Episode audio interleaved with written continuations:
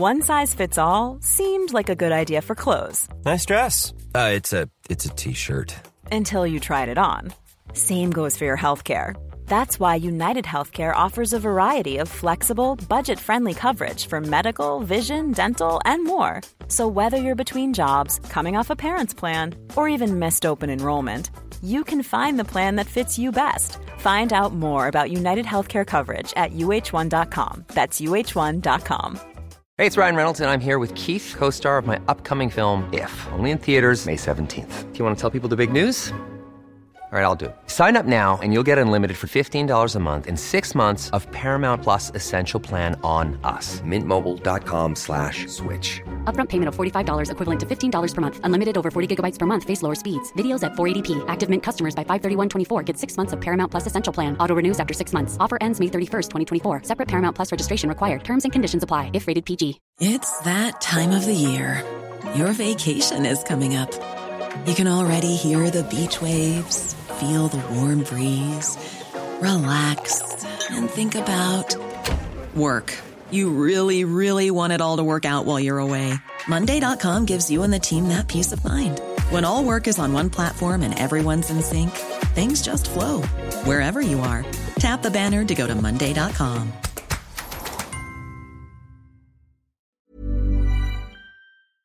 Palmemordet, mordet i media, del 5.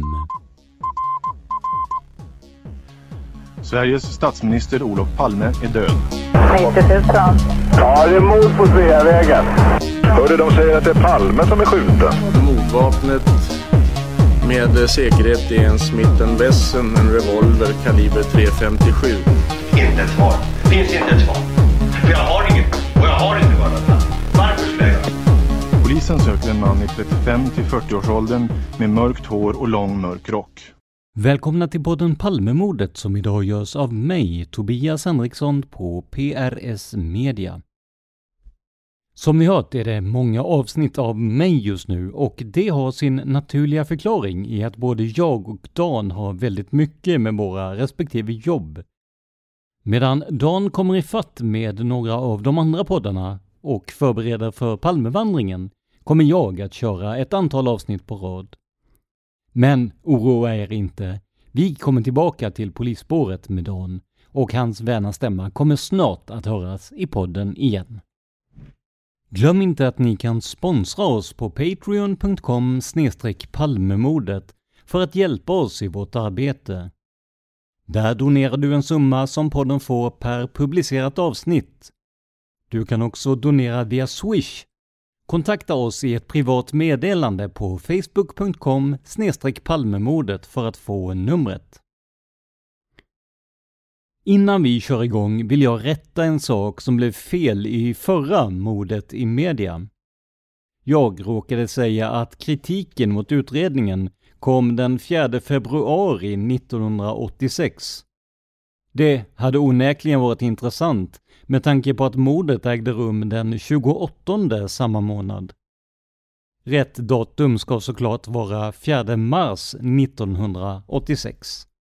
Så nu vet ni det. Jag ska också säga att jag har förstått att vissa älskar och vissa hatar de här avsnitten. Vi tycker att det är viktigt att ge en bild av hur situationen var när tidningarna rapporterade om det här och därför kommer vi att fortsätta med de här avsnitten, om än i lite mer utspritt format när vi återupptar polisspåret igen. För tanken är att inte bara göra lättsmälta avsnitt med intervjuer och teorier, utan även att gå på djupet. Med lite tur kan det göra att folk i framtiden har lättare att förstå vad som hände dagarna och veckorna efter mordet. Vi börjar dagens avsnitt med att titta i Kvällsposten den 5 mars 1986. Där berättar man om den belöning som nu utfästs för att få tag i Olof Palmes mördare. Från början låg den på en halv miljon kronor, men vi kan idag konstatera att trots en gigantisk höjning till 50 miljoner kronor har det inte hjälpt oss framåt vad gäller att fälla någon för mordet. Hur som helst, Så här skriver Lotta Mellberg om belöningen som nu utfärdats. Citat. Rubrik Polisen sätter pris på mördarens huvud. Av Lotta Mellberg. Ingress. För första gången i svensk kriminalhistoria har ett pris satts på en mördares huvud. Länspolischef Hans Holmer vill köpa någon som hjälpt mördaren. Bjudet en halv miljon kronor. Slut ingress. Summan ska jämföras med straffet. Medhjälp till mord döms lika hårt som själva mordet. En halv miljon för livstidsfängelse. I Sverige finns det ingen möjlighet att köpslå om rättvisan. Svenska myndigheter betalar inte några nya ansikten eller identiteter för ett vittnesmål. Hotade vittnen flyttas inte kors och tvärs som till exempel i USA. Ny rubrik Samma straff.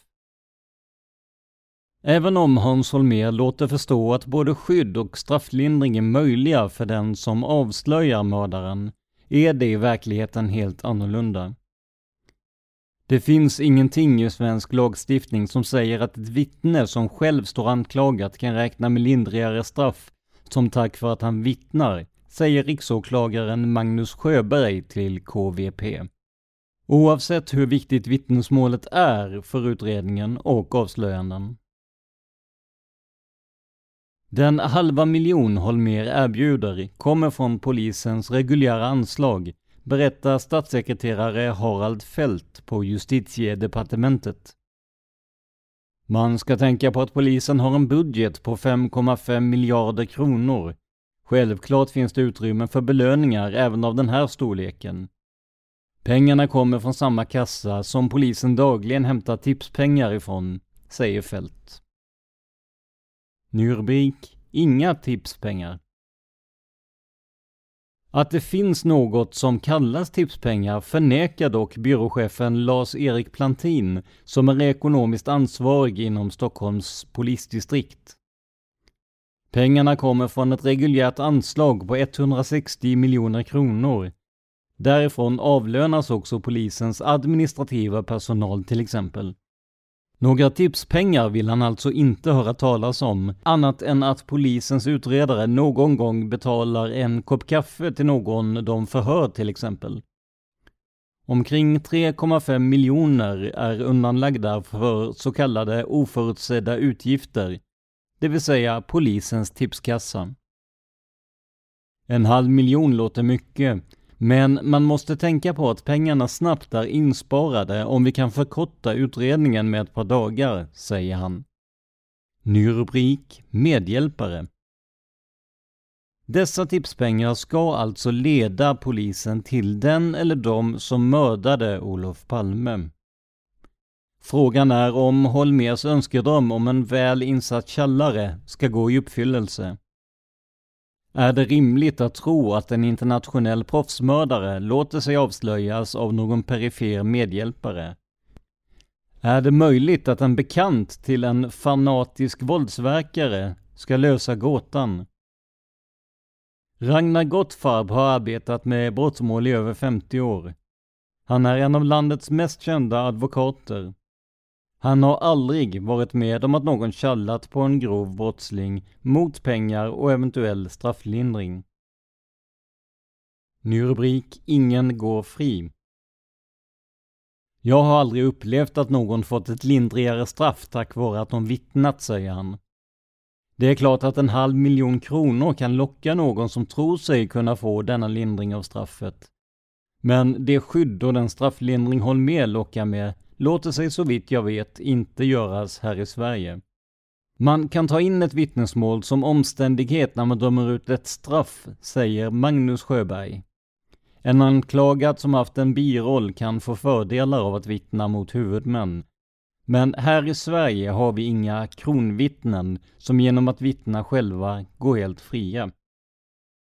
Vi fortsätter på samma ämne med samma författare, Rubrik Belöningen motiverad Ingress Ingen ska kunna köpa vittnen, allra minst polisen. Det är den största anledningen till att det är så ovanligt med stora belöningar i samband med brott i Sverige. Om det utlyses en belöning är det normalt banker, privatpersoner eller företag som ligger bakom. Polisen har de senaste decennierna legat lågt med ekonomisk ersättning för tips och vittnesmål. Under 50 och 60-talet var det däremot ganska vanligt. I USA har systemet alltid använts. Alla minns väl efterlysningsaffischerna från westernfilmerna Wanted, Dead or Alive, 20 000 dollars. Belöningen är en god hjälp för att få in tips. Men det finns nackdelar. Det finns rättegångar där försvarsadvokaterna bara ställt en enda fråga till vittnet. Anmälde ni er innan eller efter belöningen utlystes? Ny rubrik Allmänt känt. Det är allmänt känt att också den svenska polisen använder pengar i jakten på brottslingar. Häromåret blev saken prövad av JO. Det fanns människor som eh, tyckte det var fel att polisen kunde få dela ut skattefria pengar till bland annat halvgangsters som vittnade på åklagarsidan. Men JO har inget att invända så länge pengarna delas ut med omsorg och omdöme. Ny rubrik Motiverad. Hur det nu är med omsorg och omdöme ska man ha klart för sig att det ofta är så kallade professionella vittnen som vittnar i olika rättegångar. En och samma man har till exempel vittnat i fyra olika narkotikarättegångar, alla gångerna falskt. Han stod på polisens tipslista och fick alltså pengarna skattefritt, så kallade kaffepengar, för sitt jobb. Vad det gäller mordet på Palme har dock alla, inklusive justitieminister Sten Wickbom, bedömt det så att en belöning är motiverad och riktig. Och där slutar vi citera de här två artiklarna ur Kvällsposten den 5 mars 1986.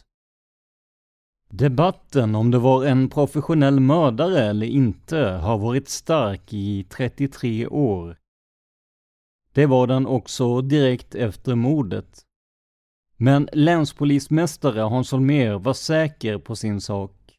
Det här var en professionell mördare. Han utvecklar sina teorier i Kvällsposten från den 5 mars 1986. Artikeln skrevs av Göran Svedberg. Och här får vi också höra om den så kallade schakalen, även kallad Carlos. Rubrik Yrkesmördaren göms på ambassad, ställt som fråga. Ingress Olof Palme sköts av en professionell mördare. Det slår polisen fast. Tillvägagångssättet, planeringen och vapnet pekar på en yrkesterrorist. Kanske skyddas han av en ambassad. Slutingress. Igår bytte Stockholmspolisen taktik. Från att tidigare ha tvekat och lämnat alla möjligheter öppna kastade man plötsligt försiktigheten över bord. Mördaren var yrkesman sa Stockholms polismästare Hans Holmer. Ny rubrik Noggrann kartläggning. Polisen grundar sin slutsats på en rad faktorer. Man tror att mördaren följt paret Lisbeth och Olof Palme från deras hem till biografen på Sveavägen.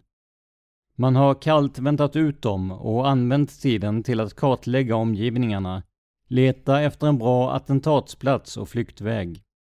När paret Palme kom ut från bion väntade han på dem, sköt ett skott i ryggen på Olof Palme, sköt ännu ett som missade och sprang sedan därifrån.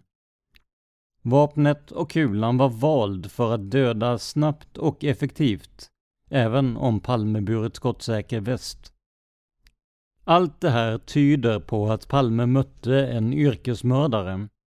En terrorist som gick någon annans ärenden som noga och länge kartlagt sitt offer, bevakat hans hus, lät känna hans vanor.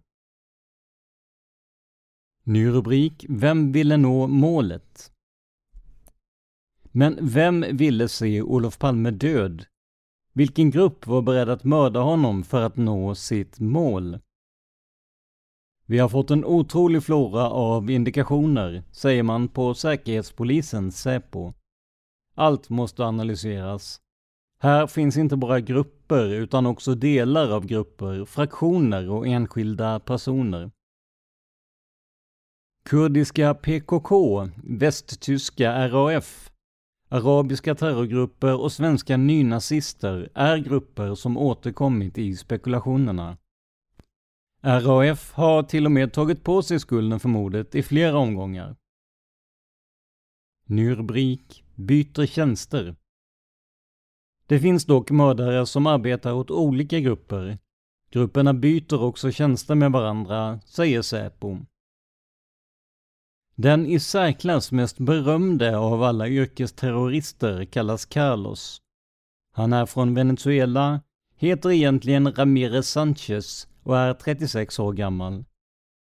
För bara ett par veckor sedan dödförklarades han i tidningarna för åtminstone femte gången under de senaste 15 åren. Ny rubrik Ambassadskydd Carlos är intressant därför att han i många avseenden är en typisk yrkesmördare, säger polisen. Och han har sedan gammalt kontakter i Sverige. Han talar spanska, engelska, arabiska och ryska. Mordnatten var det en man som ringde till London från hotell Sheraton i Stockholm. Han talade arabiska och försvann sedan. Carlos är yrkesmördare. Det var en man av hans sort som polisen tror utförde mordet på Palme. Därmed minskar också chansen att få honom fast.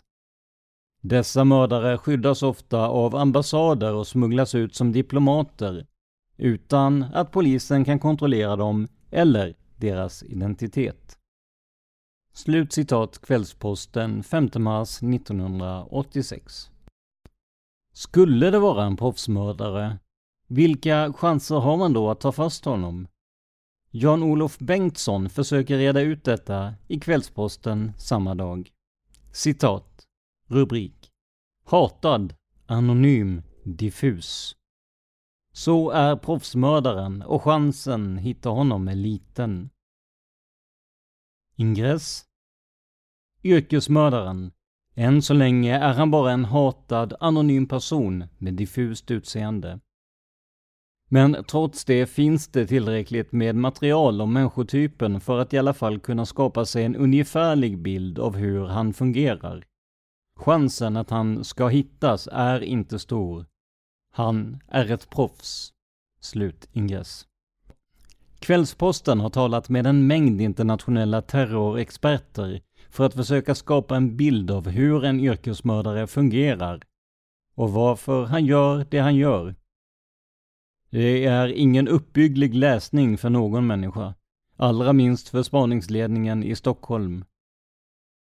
När Olof Palme i fredags kväll mördades av sin baneman kände antagligen yrkesmördaren det inte på något annat sätt än att hans uppdrag var slutfört. Olof Palme var för honom inte något annat än ett objekt, ett jobb han hade åtagit sig för sin okände arbetsgivare. Ny rubrik lydde bara order. Det var arbetsgivaren som hade motivet till att Olof Palme måste mördas, inte yrkesmördaren själv. Han bara lydde order. Han visste säkert vem den svenska statsministern var och stod för. Men hans egen personliga uppfattning om mannen han satte en kula, 357 Magnum, i var oväsentlig.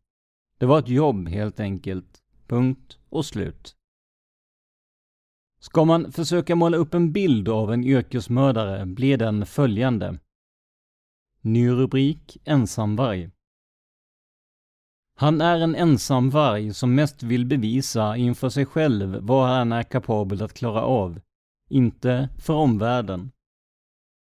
Han känner inget personligt hat mot offret och lägger inte in några politiska eller moraliska värderingar. Han håller en låg profil i alla sammanhang. Och det är inte mycket han har gemensamt med de vanliga terroristerna med sina förvirrade politiska ideologier. Han är fåfäng, men bara inför sig själv. Att han klarat av uppdraget är tillräckligt tillfredsställande. Han är en perfektionist och lämnar inget åt slumpen. Han vet precis vilket vapen han ska använda och vilken ammunition. Han studerar offret noggrant innan han går till aktion. Men han förlitar sig sällan på andras uppgifter, inklusive uppdragsgivarens, utan han vill på ort och ställe skaffa sig en egen uppfattning och väga för och emot. Ny rubrik Säker flyktväg. Eventuellt har han hjälp av en medhjälpare, som utkik eller som chaufför. Men han klarar ledigt av att arbeta ensam. Han är säkerligen av utländsk härkomst. Mördaren kunde för sitt liv inte förstå varför Olof Palme saknade säkerhetsbevakning. Och när han nu gjorde det måste Olof Palme i hans ögon ha varit skyddad med exempelvis en skottsäker väst. Därav specialammunitionen. Yrkesmördaren skulle aldrig slå till om han inte var i det närmaste hundraprocentigt övertygad om att flyktvägen var idiotsäker. Det finns naturligtvis en viss osäkerhet i sådana här uppdrag. Men det är just det som kittlar honom. Det är det som är kicken. Och han vet med all tydlighet följande. Världens underrättelsetjänster har ett väl utbyggt samarbete Mordet på Olof Palme är idag inte enbart en svensk angelägenhet utan en internationell. Var han en terrorist i vanlig mening, en politisk virrhjärna, skulle han förr eller senare troligtvis åka fast. Ny rubrik Till varje pris. Han lever på att vara ensam och okänd, med undantag givetvis för uppdragsgivaren vars huvudsakliga mål inte var att dra några propagandavinster av mordet, utan att helt enkelt stoppa statsministern. Av någon orsak, till varje pris. Det är inte troligt att uppdragsgivaren brister ut i några revolutionära segerfloskler. Även om en mängd olika terrororganisationer nu försöker åka snålskjuts på mordet. Han ville bara se Olof Palme död. Yrkesmördaren var instrumentet. Mördades Olof Palme för att han just var Olof Palme med sitt internationella vid sidan om engagemang? Eller mördades Olof Palme för att han var svensk statsminister? Det är en central fråga i polisens arbete. I alla sådana här utredningar letar polisen efter ett motiv. Yrkesmördaren hade egentligen inget som en vanlig människa kan förstå. Låter det skrämmande cyniskt? Det är just vad det är. Slutcitat från artikeln av Jan-Olof Bengtsson. I samma tidning, samma datum, får vi också veta mer om en person som två vittnen sett. Och notera att man här fokuserar på belöningen mer än på själva händelsen. Artikeln är skriven av Jerry Wells. Citat. Rubrik. Det syntes på mannen att han var jagad. Ingress. Två personer lämnade igår eftermiddag polisen så värdefulla uppgifter att de ligger bra till för att få del av belöningen på en halv miljon om mördaren grips. De kan visa sig vara polisens verkliga nyckelvittnen i jakten på Olof Palmes mördare. Slut ingress. En taxichaufför och hans kvinnliga passagerare såg hur han hoppade in i en väntande flyktbil på Birger Jarlsgatan. Taxiföraren hade just stannat utanför den finländska dansrestaurangen Karelia på Birger Jarlsgatan i hörnet vid Snickarbacken för att släppa av kvinnan. Kvinnan gjorde de första iakttagelserna då hon tittade ut genom sidorutan när taxin stannat. Jag tittade in på snickarbacken för att se om det stod några bekanta utanför ingången till dansen. Man går ju in från snickarbacken, förklarar hon. Men det gjorde det inte. Snickarbacken var helt tom. Utom en man, kraftig, mörkhårig och mörkklädd, som snabbt kom gående mot Birger Jarlsgatan där jag satt i taxin. Jag lade märke till honom därför att han såg sig om oroligt över axeln och jag fick intrycket att han var förföljd. Ny rubrik betalade taxin. Jag kan inte säga riktigt varför. Det är närmast en känsla man får när man ser någon titta sig oroligt bakåt, inte sant? Men nu måste jag betala taxin. Och sådär väldigt intressant är ju inte mannen där ute. Så jag ägnar mig åt min portmonnä för att ta fram pengar och betala chauffören. När jag betraktade taxin och var på väg in på Karelia fick jag syn på en polis som kom rusande på snickarbacken. Han eh, stannade och snurrade runt och såg sig om. Jag tänkte, han har nog förföljt den där andra. Den andra var då borta. Jag såg i varje fall inte till honom. Jag gick in på Karelia och tänkte inte vidare på saken. Taxiföraren kan berätta om nästa skede i mördarens flykt. Strax framför mig stod en medelstor mörk bil. Jag såg det ganska förstrött medan min passagerare plockade fram pengar för att betala färden. Ny rubrik i blickfånget. En kraftig mörk gick fram till den där bilen. Han gick ganska snabbt men ändå inte mycket fortare än man gör en kylig vinterkväll tycker jag. Jag iakttog honom inte särskilt, men han var ju i mitt blickfång framför min bil. Han öppnade bildörren och slängde in någonting, ett föremål. Vad ser jag inte. Sedan hoppade han in i bilen bredvid förarplatsen. Bilen startade och rullade iväg. Några sekunder senare kom en andfådd polisman och såg sig liksom rådvill omkring. Polismannen tog inte kontakt med mig och inte heller jag med honom. Ingenting sa mig att den som jag sett stiga in i bilen framför mig skulle vara en jagad person. Men polismannens uppdykande gör ändå att jag i minnet försöker rekonstruera bilden av den andra bilens bakre nummerplåt. Chauffören har tyvärr inte kunnat erinra sig någon bokstav och är inte säker på siffrorna. Ny rubrik Vet inte vägen. Jag vet alltså bara att bilen körde iväg men följde den inte med blicken neråt Stureplan, så jag kan inte säga vart den tog vägen. Kriminalen arbetar nu utan uppehåll med det svåra jobbet att med ledning av taxiförarens uppgifter genom bilregistret få fram den misstänkte flyktbilen. Fullt förståeligt är hans minnesbild vag. Han hade ju ingen särskild anledning att fästa sig vid bilen förrän den var borta. Han hade därför inte kunnat dra sig till minnes någon enda bokstav och är osäker på siffrorna. Däremot kan han ange bilens färg och fabrikat. Men det är ingen ovanlig bil. Den polisman som spökar i dessa berättelser tog ett mycket berömvärt initiativ. Han var bland dem som först kom till mordplatsen. Ny rubrik Vinst och förlust. Han gjorde där blixtsnabbt bedömningen att trapporna Tunnelgatan upp var gärningsmannens troliga flyktväg och satte efter den vägen på vinst och förlust. Han var på rätt spår och i hälarna på mördaren, vet vi nu. Men jag hann aldrig upp någon. Jag såg inte ens till någon flyende. Inte heller såg jag annat än en tom taxi när jag kom fram till Birger Jarlsgatan.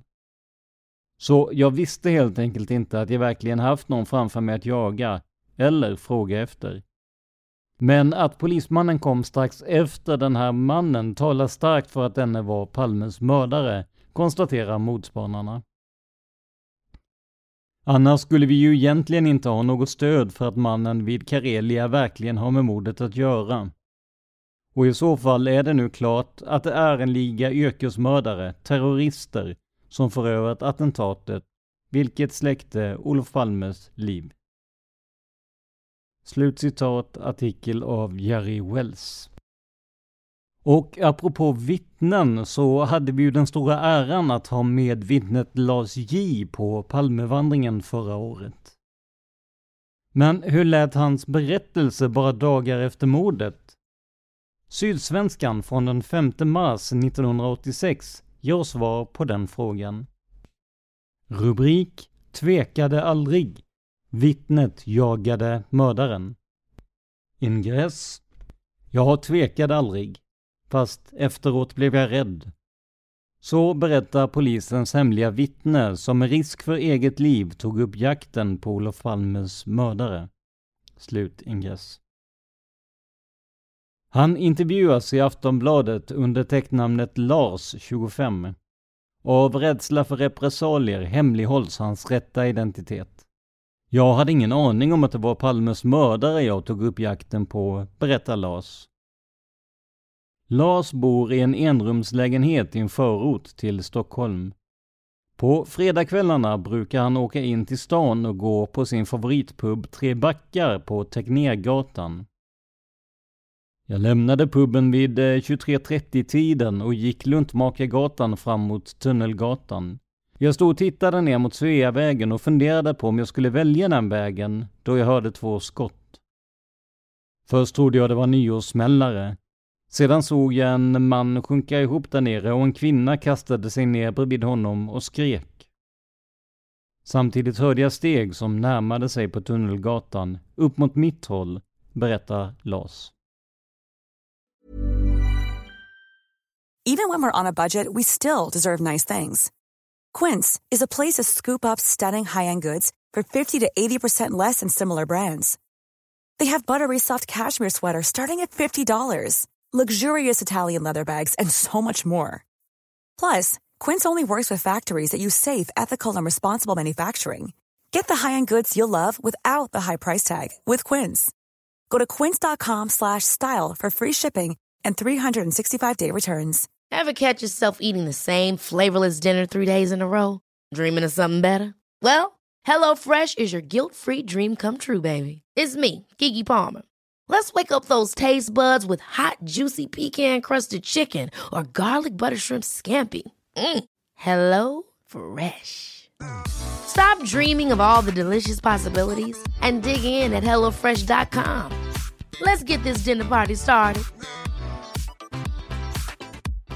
If you're looking for plump lips that last, you need to know about Juvederm lip fillers. With Juvederm Volbella XC and Juvederm Ultra XC, your lip look, whether it's subtle or bold, can last up to one full year with optimal treatment and no additional maintenance. Find a licensed specialist and see if it's right for you at Juvederm.com today. That's J U V E D E R M.com. Add fullness to lips in adults over 21 with Juvederm Volbella XC or Juvederm Ultra XC. Do not use if you have severe allergies or a history of severe allergic reactions, or if you're allergic to lidocaine or the proteins used in Juvederm. Tell your doctor if you have a history of scarring or taking medicines that decrease the body's immune response or that can prolong bleeding. Common side effects include injection site redness, swelling, pain, tenderness, firmness, lumps, bumps, bruising, discoloration, or itching. As with all fillers, there's a rare risk of unintentional injection into a blood vessel, which can cause vision abnormalities, blindness, stroke, temporary scabs, or scarring. For full important safety information visit juvederm.com.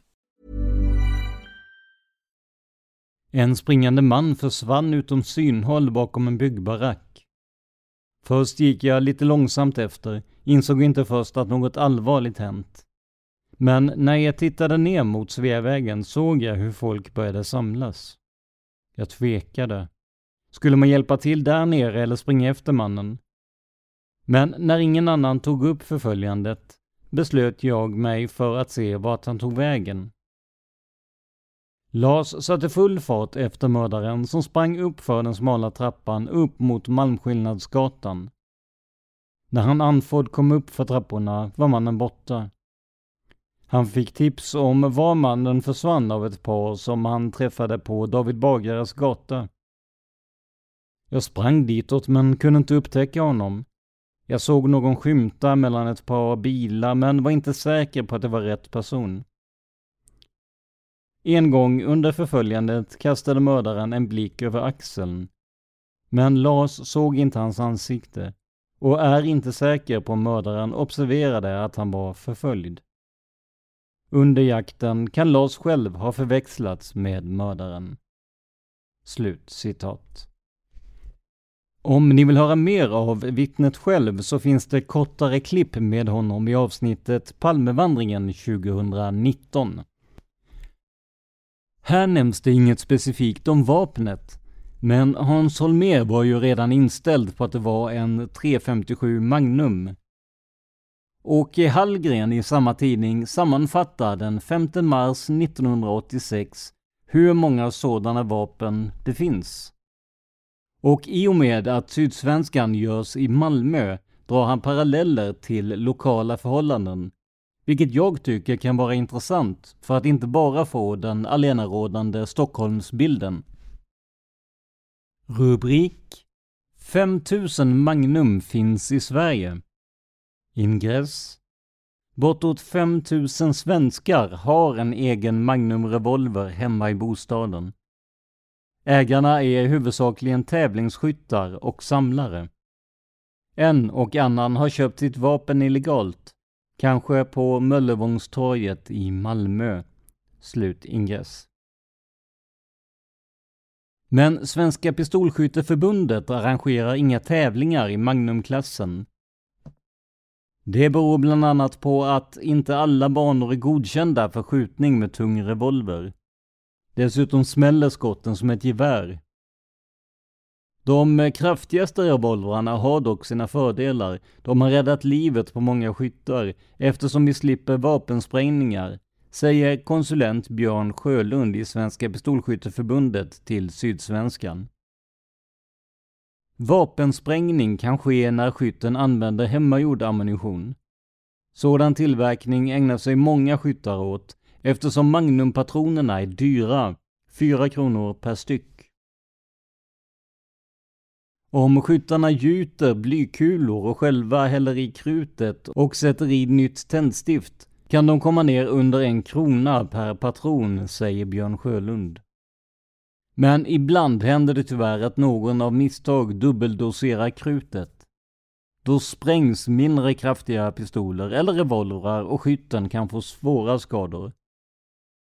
Egen patrontillverkning ägnar sig många skyttar åt som har vapen med kaliber 7,65 mm och däröver.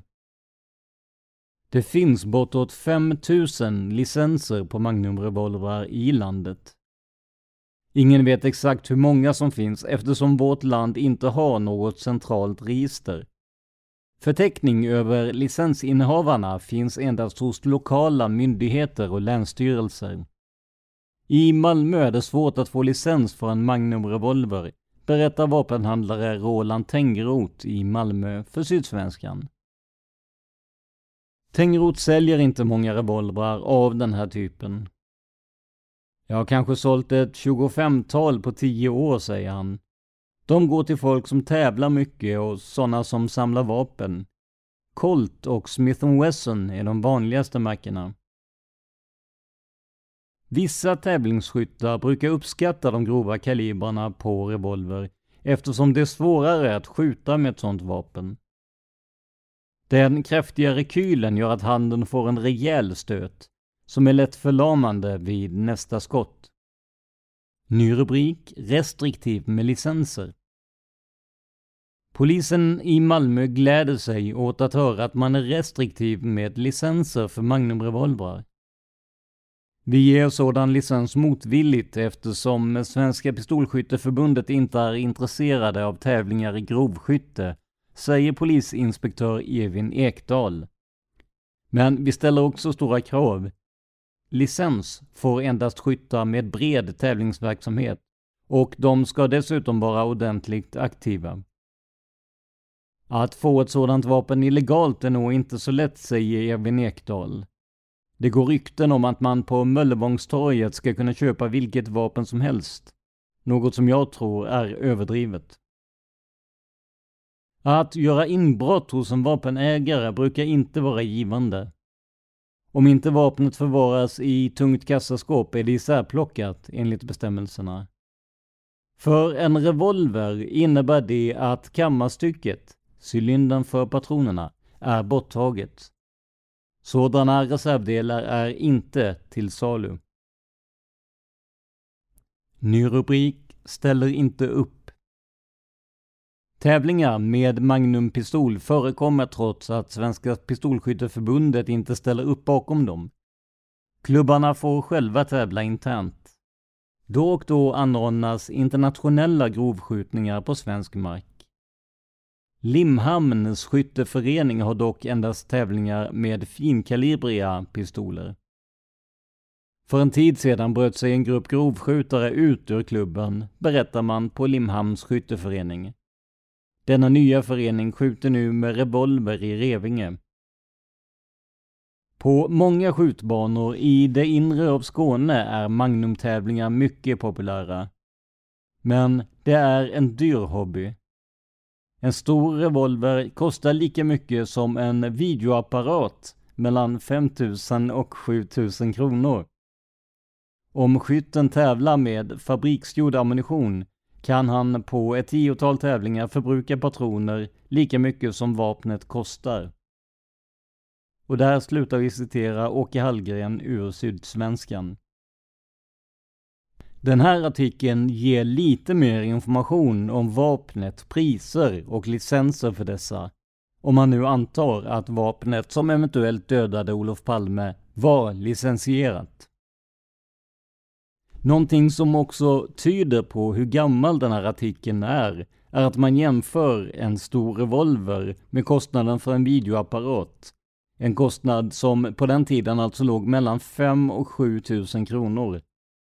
Idag kan du säkert få både en spelkonsol och en Blu-ray-spelare för samma pris som en VHS kostade 1986. I anslutning till den här artikeln finns två andra som berättar om bland annat mordkulorna och arbetet kring mordplatsen. Vi kollar på dem också. Citat. Rubrik. Västtysk polis vill titta på kulorna. Polisen i Västtyskland är beredd att titta närmare på de två kulor som Olof Palmes mördare avlossade, sa en polistalesman i Wiesbaden på tisdagen. Den västtyska polisens undersökningslaboratorium för skjutvapen och ballistik är ett av världens mest välutrustade. Några bestämda slutsatser har dess experter dock inte kunnat dra ännu eftersom de bara har sett fotografier av de båda kulorna, sa talesmannen. Han tillade att kulorna är av en typ som är ovanlig i Sverige, men som har använts tidigare av den västtyska statsgerillagruppen Röda armé-fraktionen. Några konkreta tecken på att västtyska terrorister skulle ha varit inblandade i mordet på Palme finns dock inte, sa talesmannen. Slut citat. Som ni minns från tidigare avsnitt har RAF tagit på sig mordet, vid ett flertal tillfällen till och med. Därför har jag svårt att få ihop det som talesmannen för Wiesbaden säger om att det inte finns konkreta tecken på att RAF skulle varit inblandade. Vi går vidare till en artikel i Sydsvenskan om hur man arbetar på brottsplatsen. Den här bär rubriken Polisen silar grus. Ingress. Här letar kriminalinspektör Bengt J vid Stockholmskriminalens tekniska rotel efter något som kan ge ledtrådar till eller bevis mot Olof Palmes mördare. Jag vet inte vad jag letar efter, säger han till Sydsvenskan.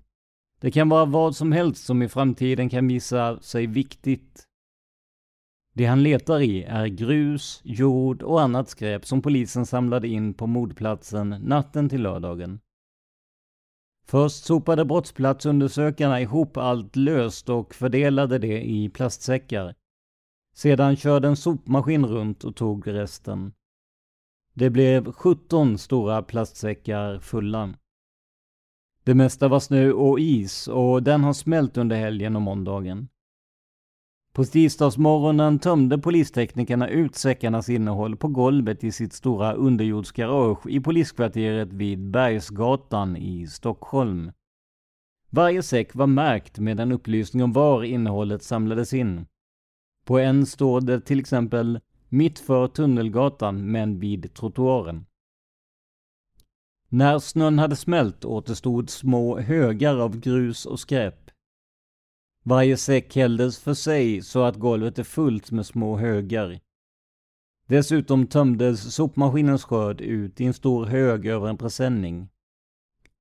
Där borstar nu teknikerna, tre man, fram gamla cigarettstumpar, engångständare, ölkapsyler och tillplattade Coca-Cola-burkar, engångständare och massor av lock till plastburkar för fotofilm.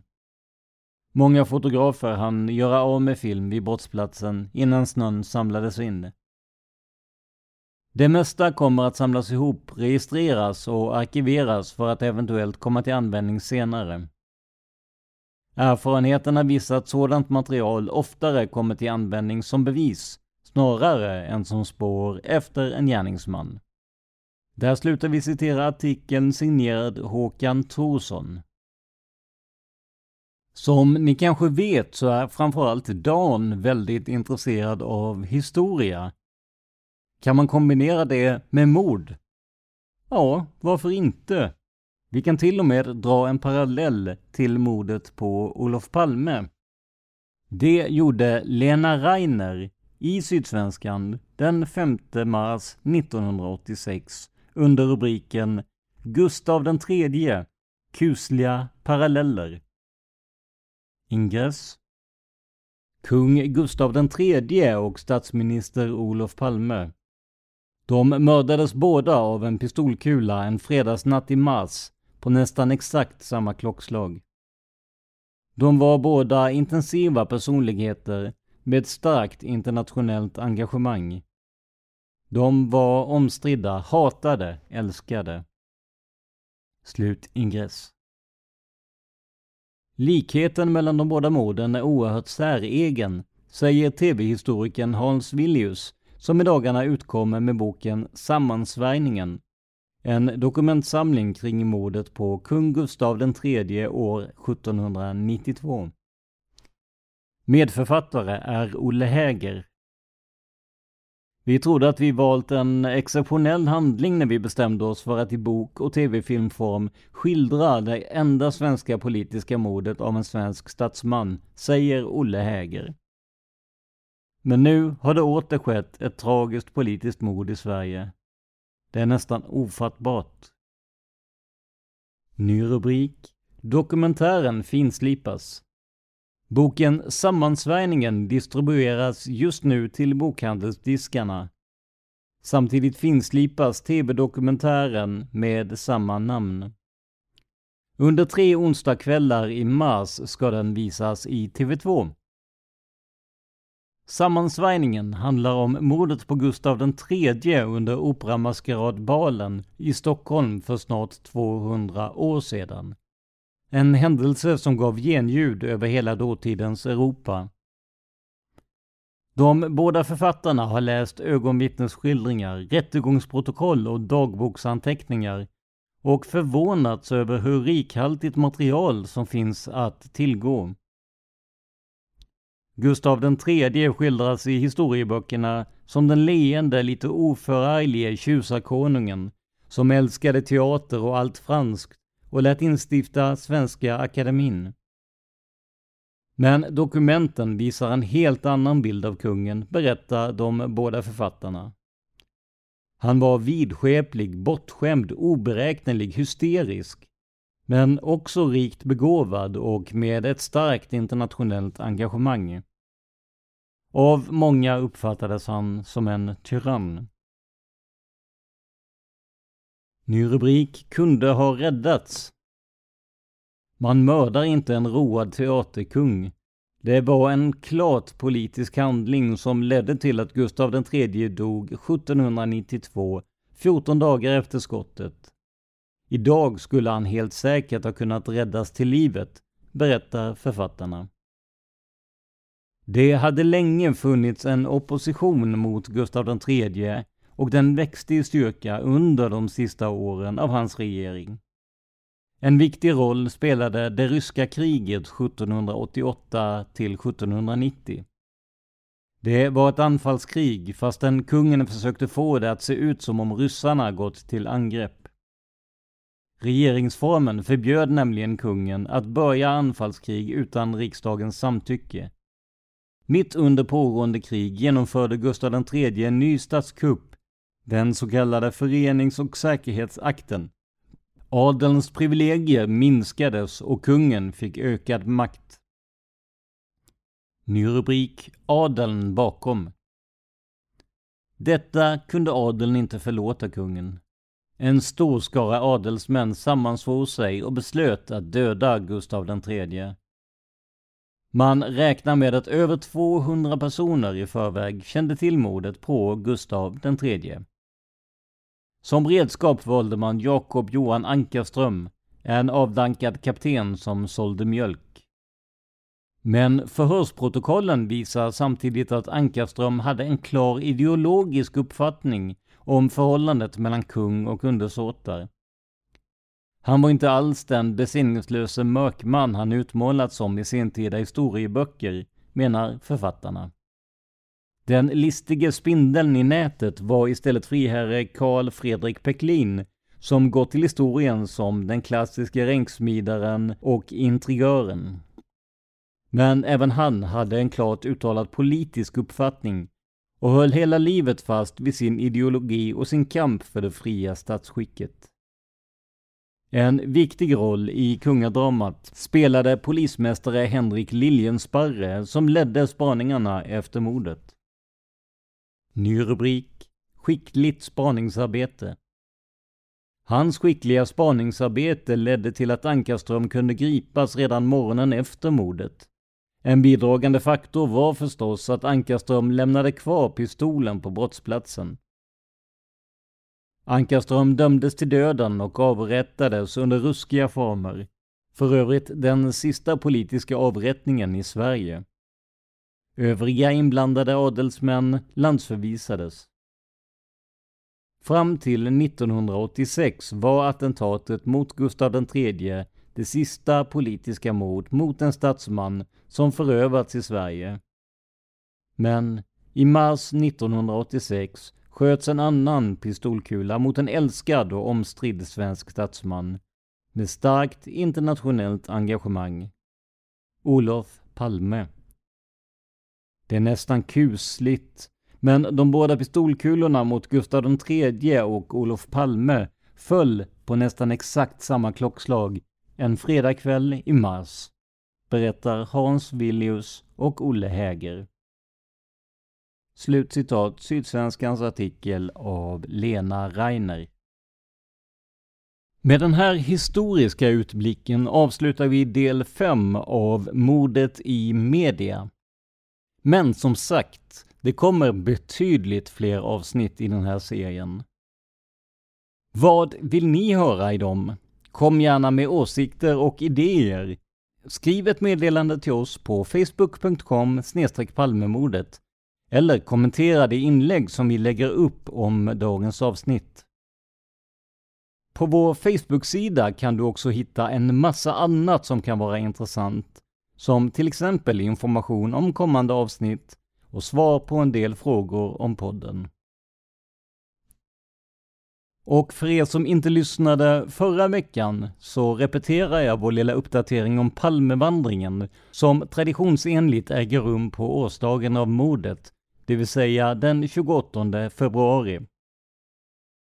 2019 blev vi ett stort antal människor som anmälde sig och det är såklart mycket glädjande. Men vi märkte också att det blev svårt för alla att höra Dan och att vi faktiskt blockerade delar av trottoarer med mera. För att undvika samma problem i år kommer vi att gå med två grupper under själva vandringen, där ena gruppen guidas av Dan och den andra av mig. Och oroa er inte, jag kommer att vara fullt påläst på ungefär samma manus som Dan har, så ni kommer att få precis samma information. Dessutom kommer minst en person som hjälpt oss mycket med research och har en grym detaljkunskap att finnas med i den gruppen jag leder. Palmevandringen görs för våra sponsorer via Patreon och på grund av ett begränsat antal platser är det bara dessa som vi kan lova platser till. Men blir det platser över kommer detta att annonseras på facebook.com palmemordet närmare själva vandringen. Och förra året hade vi ju med oss så prominenta gäster som Jan Stocklessa, Lida som förekommer i hans bok, och motplatsvittnet Lars J. Dessutom bjöd vi på en debatt mellan Gunnar Wall och Thomas Pettersson.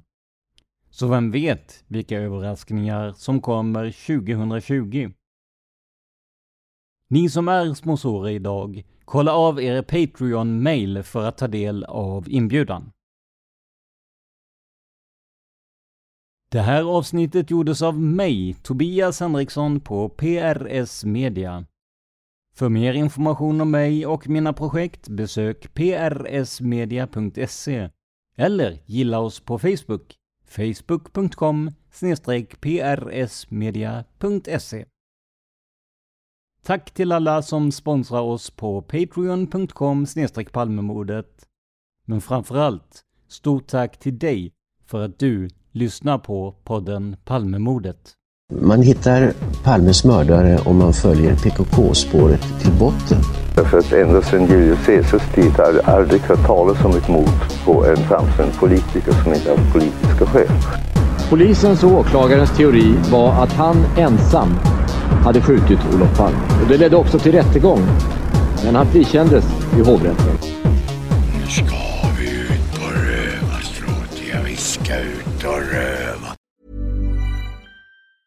Hi, I'm Daniel, founder of Pretty Litter. Did you know cats tend to hide symptoms of sickness and pain? I learned this the hard way after losing my cat, Gingy. So I created Pretty Litter, a health monitoring litter that helps detect early signs of illness by changing colors, saving you money and potentially your cat's life. Pretty Litter is veterinarian developed, and it's the easiest way to keep tabs on your fur baby's health right at home. Go to prettylitter.com and use code ACAST for 20% off your first order and a free cat toy. Terms and conditions apply. See site for details. Ever catch yourself eating the same flavorless dinner three days in a row? Dreaming of something better? Well, HelloFresh is your guilt free dream come true, baby. It's me, Gigi Palmer. Let's wake up those taste buds with hot, juicy pecan crusted chicken or garlic butter shrimp scampi. Mm. Hello Fresh. Stop dreaming of all the delicious possibilities and dig in at HelloFresh.com. Let's get this dinner party started. When you need mealtime inspiration, it's worth shopping Kroger, where you'll find over 30,000 mouthwatering choices that excite your inner foodie. And no matter what tasty choice you make, you'll enjoy our everyday low prices, plus extra ways to save, like digital coupons worth over $600 each week. You can also save up to $1 off per gallon at the pump with fuel points. More savings and more inspiring flavors make shopping Kroger worth it every time. Kroger, fresh for everyone. Fuel restrictions apply.